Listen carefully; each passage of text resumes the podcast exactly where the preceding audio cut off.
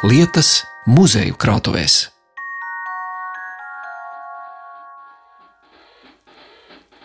Aizsargu aviācija jau atkal saņēmusi vērtīgu dāvanu - četras VF lidmašīnas. Tās tika nogādātas uz starta vietu un aizsargu lidotāju vadībā pacēlās gaisā. Tad arī varēja pārliecināties par jauno lidmašīnu teicamām īpašībām.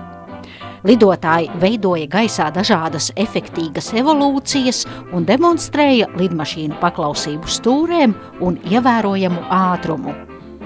Valsts elektrotehniskā fabrika, ieņemot Latvijas ražojumu izstādē vienu no lielākajiem stendiem, izstādīs daudz jaunus eksponātus. No radioaparātiem ievērību pelna radio nozares nagla, divu spulģu maiņstrāvas tīkla aparāts ar iebūvētu dinamisko skaļruni. Ievērojot aparāta zemo cenu, tas būs pieejams katram abonentam, kas vēlēsies iegūt tiešām labu un vērtīgu aparātu. Tādi apraksti par VF ražojumiem bija lasāmi pagājušā gadsimta 30. gadu presē. Bet kāds bija sākums uzņēmumam, kas starpkaru Latvijā ražoja visu elektrotehniku, sākot no spuldzēm līdz lidmašīnām, un padomju gados bija viens no vadošajiem sakaru tehnikas ražotājiem bijušā Padomju Savienībā? Fabrika vairs neeksistē, ir saglabājušās ēkas, un VF muzejā var aplūkot priekšmetus, dokumentus un fotogrāfijas, kas vēsta par VF no tā pirmsākumiem līdz darbības beigām.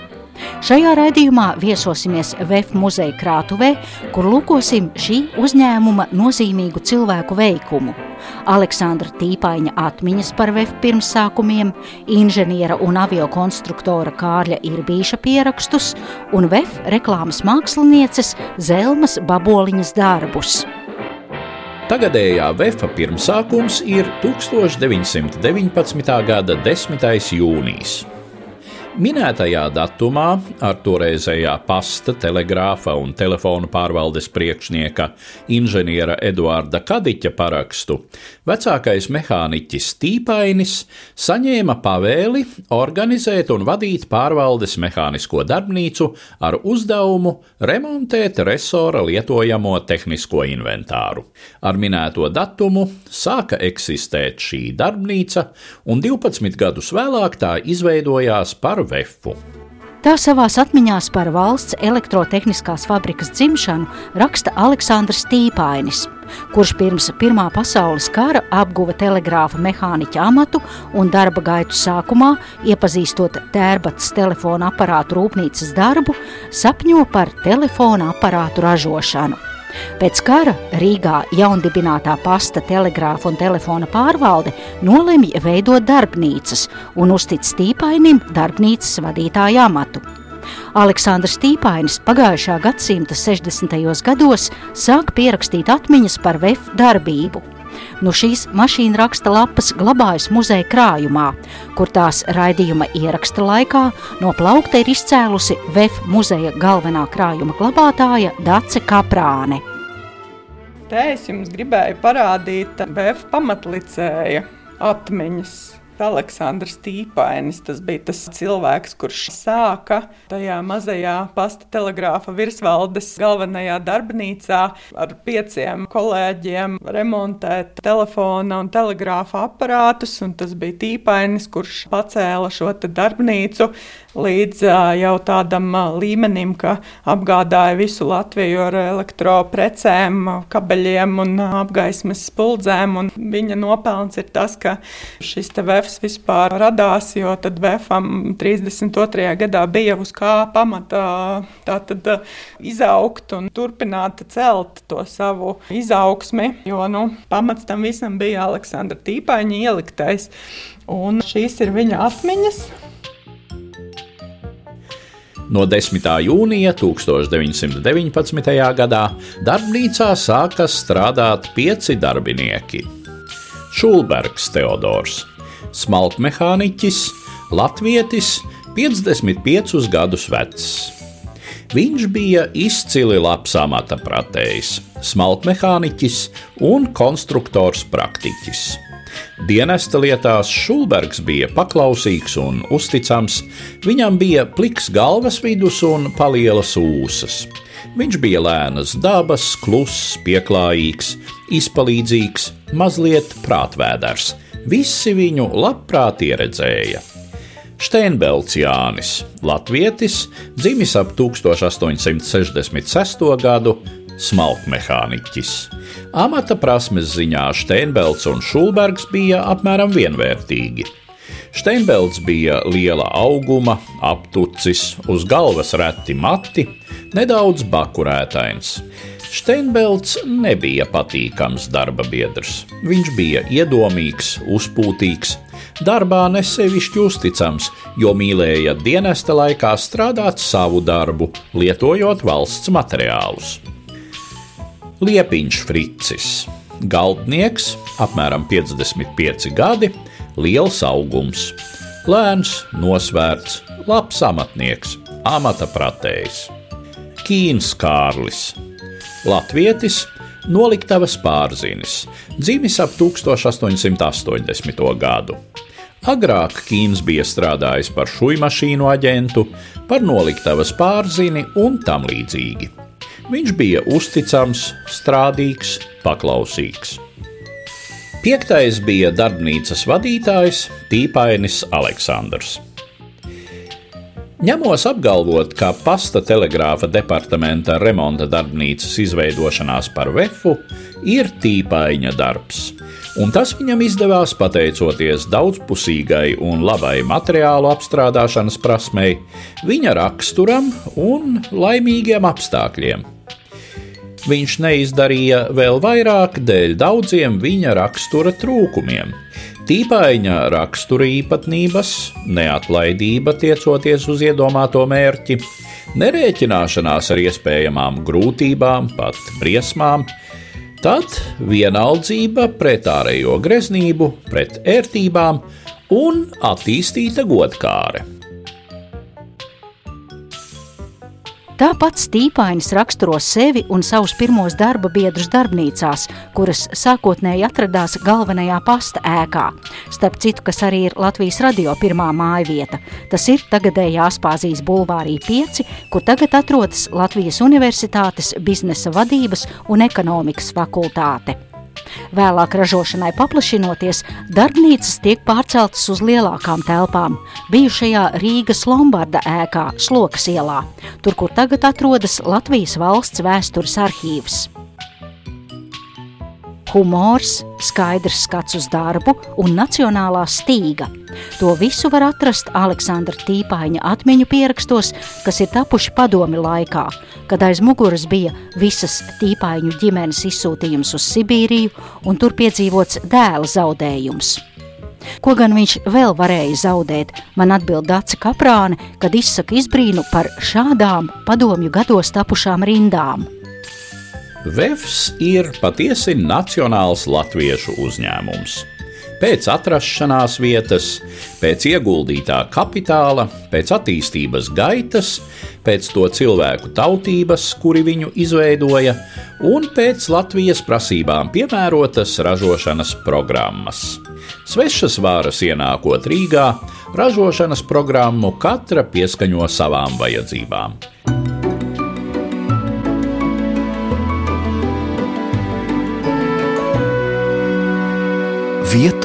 Lietas.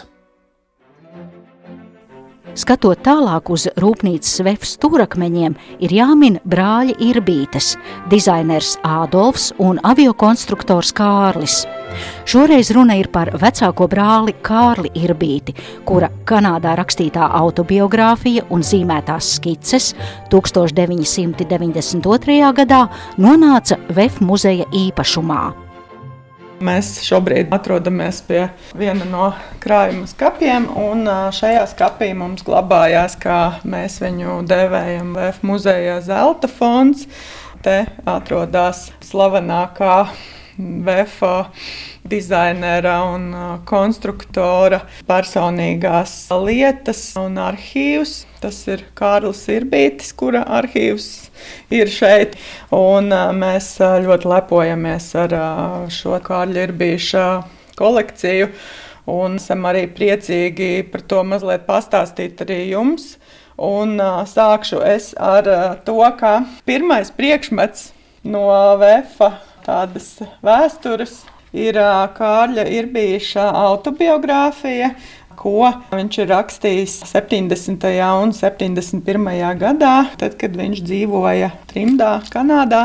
Un, uh, viņš mm. līdz pat uh, savai nāves stundai bija pie pilnas apziņas, absolūti tāds skaidri un dziļi un plaši domājošs cilvēks, kāds viņš bija jau agrā jaunībā, par ko mēs varam spriest arī pēc viņa autobiogrāfijas, kas ir sākta ar pavisam tādiem notikumiem no galīgi mazas bērnības, kad jau viņš analizēja lietas un, un pievērs uzmanību tam, kas viņu interesē. Kārli, Kārli!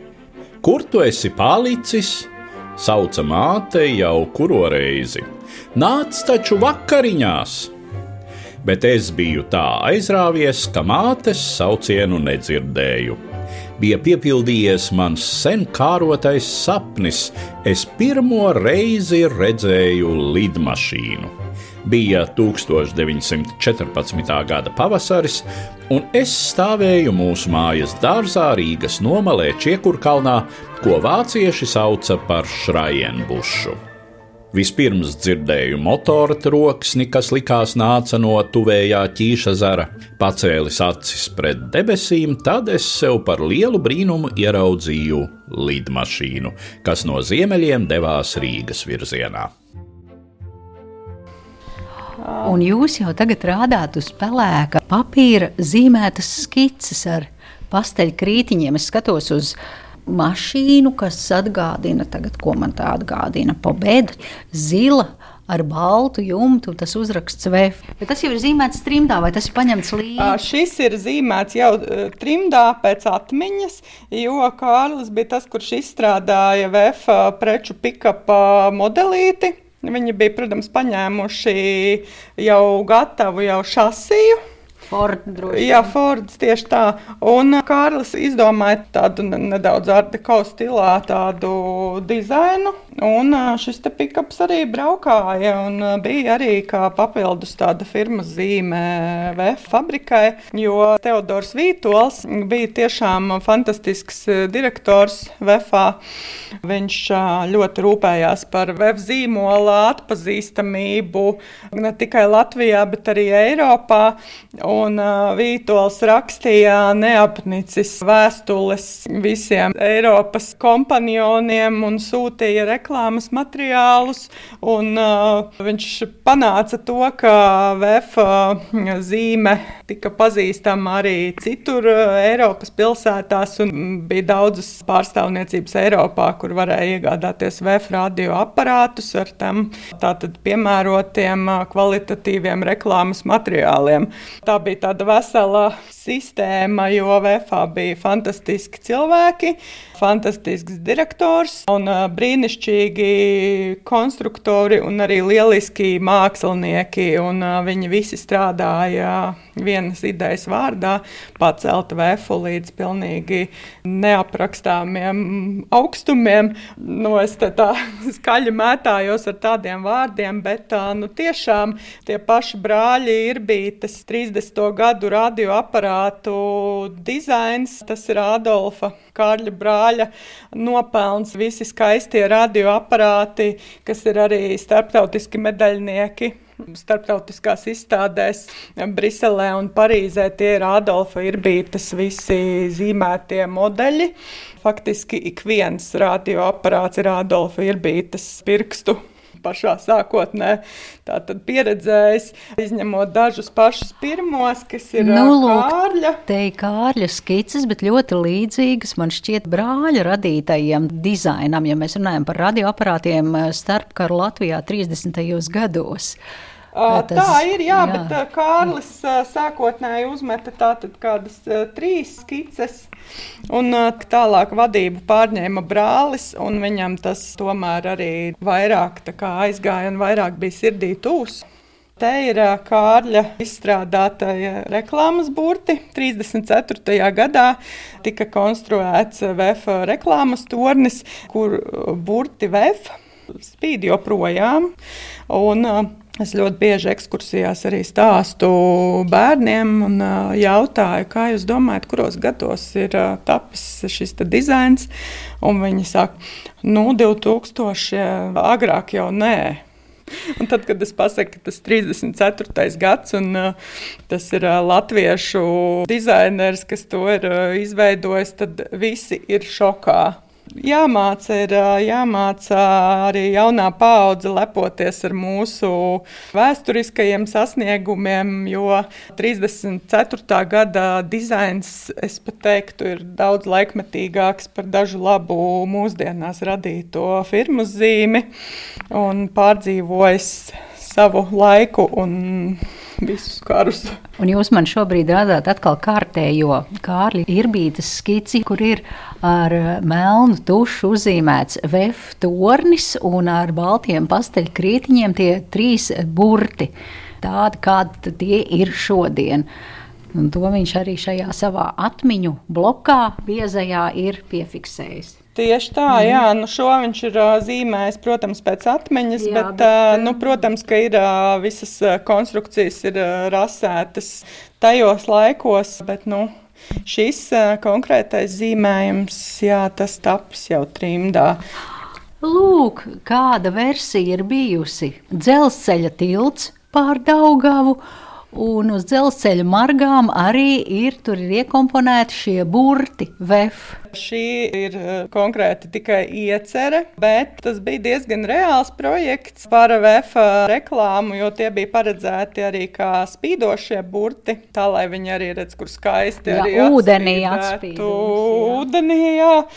Un uh, ideja bija laba, jo Kārlis kopā ar Teodoru Vītolu viņi domāja daudz uh, interesantas domas kopā. Nu, tagad mēs to sauktu par brainstormingu, jo viņi sēdēja Vītola kabinetā, nu, teiksim tā, štukoja idejas Es tādu labāku vārdu nevaru šobrīd atrast, jo viņi jau bija pat izdomājuši ar Kārļa palīdzību konstruēt Eiropā lielāko koka televīzijas torni, turpat VFA, VFA kvartālā. Tā tad darboties arī televīzijas jomā, jo radio jomā viņi jau bija sasnieguši jau virsotnes, bet tagad vajadzēja arī televīzijas jomu sākt. Tā tad apsmadzeņot, un, un Kārlis jau domāja jau tajā virzienā, bet, diemžēl, karš pārtrauca šīs skaistās idejas un arī daudzas citas VF idejas. Pēc VEFA nodibināšanas 1932. gadā strādāju tā mehānikas nozarē. Tajā laikā steidzīgi parādījās vajadzība pēc VF emblēmas. Zinot manu veiksmi apvienot vizuālo mākslu ar tehniku, VF vadība uzaicināja mani piedalīties iesniegto metu vērtēšanā.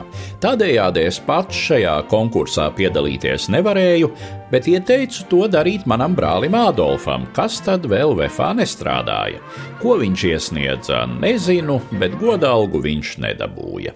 No kādiem 50 iesniegtajiem metiem tikai viens daudz maz apmierināja VF vadību.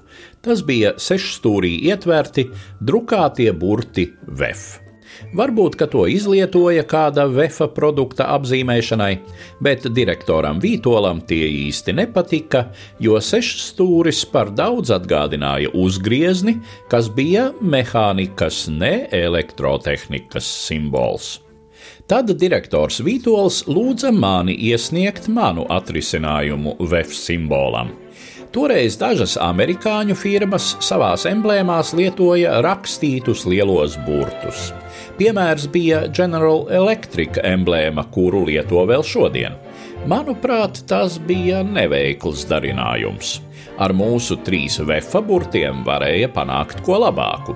Ietvēru rakstītos V un F burtus aplī, un radās jaunā vefa emblēma.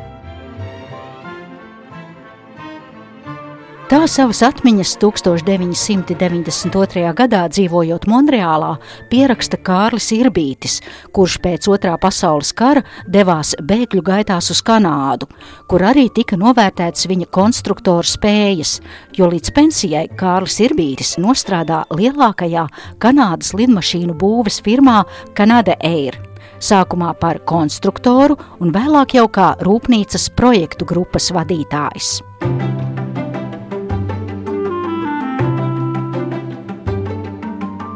Vietu lietas. Vēl viens cilvēks, kas kaldināja VF panākumus Latvijas pirmās brīvvalsts laikā, ir reklāmas māksliniece Zelma Baboliņa. Viņa strādāja Rūpnīcas reklāmas birojā no 1937. līdz 1970. gadam. Zīmējusi skatlogu noformējumus VF firmas veikalam, izstrādājusi reklāmas bukletus produkcijai, kalendārus, ražojumu grafiskos materiālus un iesaiņojumus. Dāce Kaprāne man rāda 30. gados zīmētu elektrisko spulģu reklāmas katalogu. Tā ir uh, fantastiska māksliniece, kas arī strādāja VFā. Un šeit Zelma bija atbildīga par uh, zīmējumu. Un viss, viss tas, kas ir zīmēts, visas reklāmas, tas ir uh, viņas roku darbs. Tā, un jūs man rādāt, tas ir katalogs, ja reklāmas. Tāda tautiska stila prievīti sasiets kopā un uz vāka tas ir armijas ekonomiskais veikals, tagadējais galerija centrs, jā, vecrīgā bijušais universāla veikals. Tas šeit uz vāka ir uzzīmēts apgaismošanas spulģu katalogs. Vislabāk man patīk pirmā lapa. Gaismu sauca gaisma ausa, ausēklis. Un tāds vietas vīrs pie liela, pamatīga koka rakstām galda, un tur ir galda lukturīts tādā nu, viduslaiku teiksmainā stilā. Tas viss ir uzzīmēts. Mēs jau smējāmies arī savstarpēji, ka šeit ir uzzīmēti tie drūmie laiki pirms vefa, kad nu, vefs vēl neražoja elektriskās spuldzes. Nu jā, nu man tas asociējas ar stilizēti viduslaiku. Protams, jā. protams. Šo es vienkārši jums gribēju parādīt. Zelmai bija tas domas lidojums, tāds varens. Viņa varēja vienkārši uzzīmēt spuldzes un miers, bet nē, viņai bija tas tik ļoti tas mākslinieckais un visi katalogi ir tādi brīnišķīgi ar tādiem tēlainiem zīmējumiem. Protams, ka arī pati VF produkcija bija ļoti kvalitatīva, bet ja papildus tam nāk šāda veida reklāma, nu, tur ir jāpērk un jāizvēlās tikai šis produkts. Tur nav divu domu. Bet cik augstvērtīga ilustrācija, nu, tā kā no pasaku grāmatas, jā, vēl ar to ausekļu tekstu celsmīgo. Tieši tā. VF dubultspirāļu spuldzes, un tur ir stāsts, kas tad ir elektriskā spuldze. Viss ir mašīna rakstā nodrukāts. Un te ir katalogs, protams, te ir arī visi tehniskie izmēri, kam tas ir paredzēts. Un tālāk jau mums atkal ir skaistais zīmējums. Tas strādnieks nes, bet kas tas ir uz muguras? Tās ir pagals vai spuldzes? Tās ir pagales. Tās ir pagales un nu, tiek reklamēts. À, tas... Agraba spuldzīte, lūk, dzidra stikla vakuma spuldzes.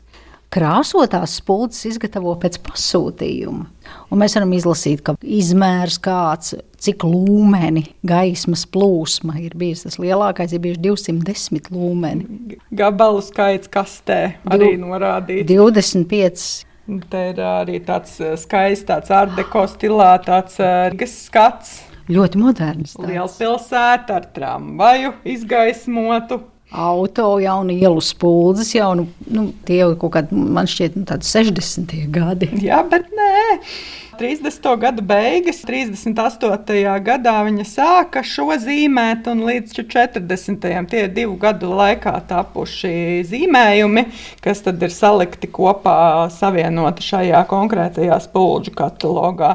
Un arī te var redzēt, ka, piemēram, arī pilsēta ir diezgan, nu, ir tikai modernās mājas fonā, tādas, kas ir Jā. tāds funkcionālisma stilā, lielajiem logiem, kādas jau tika modē 30. gadu beigās.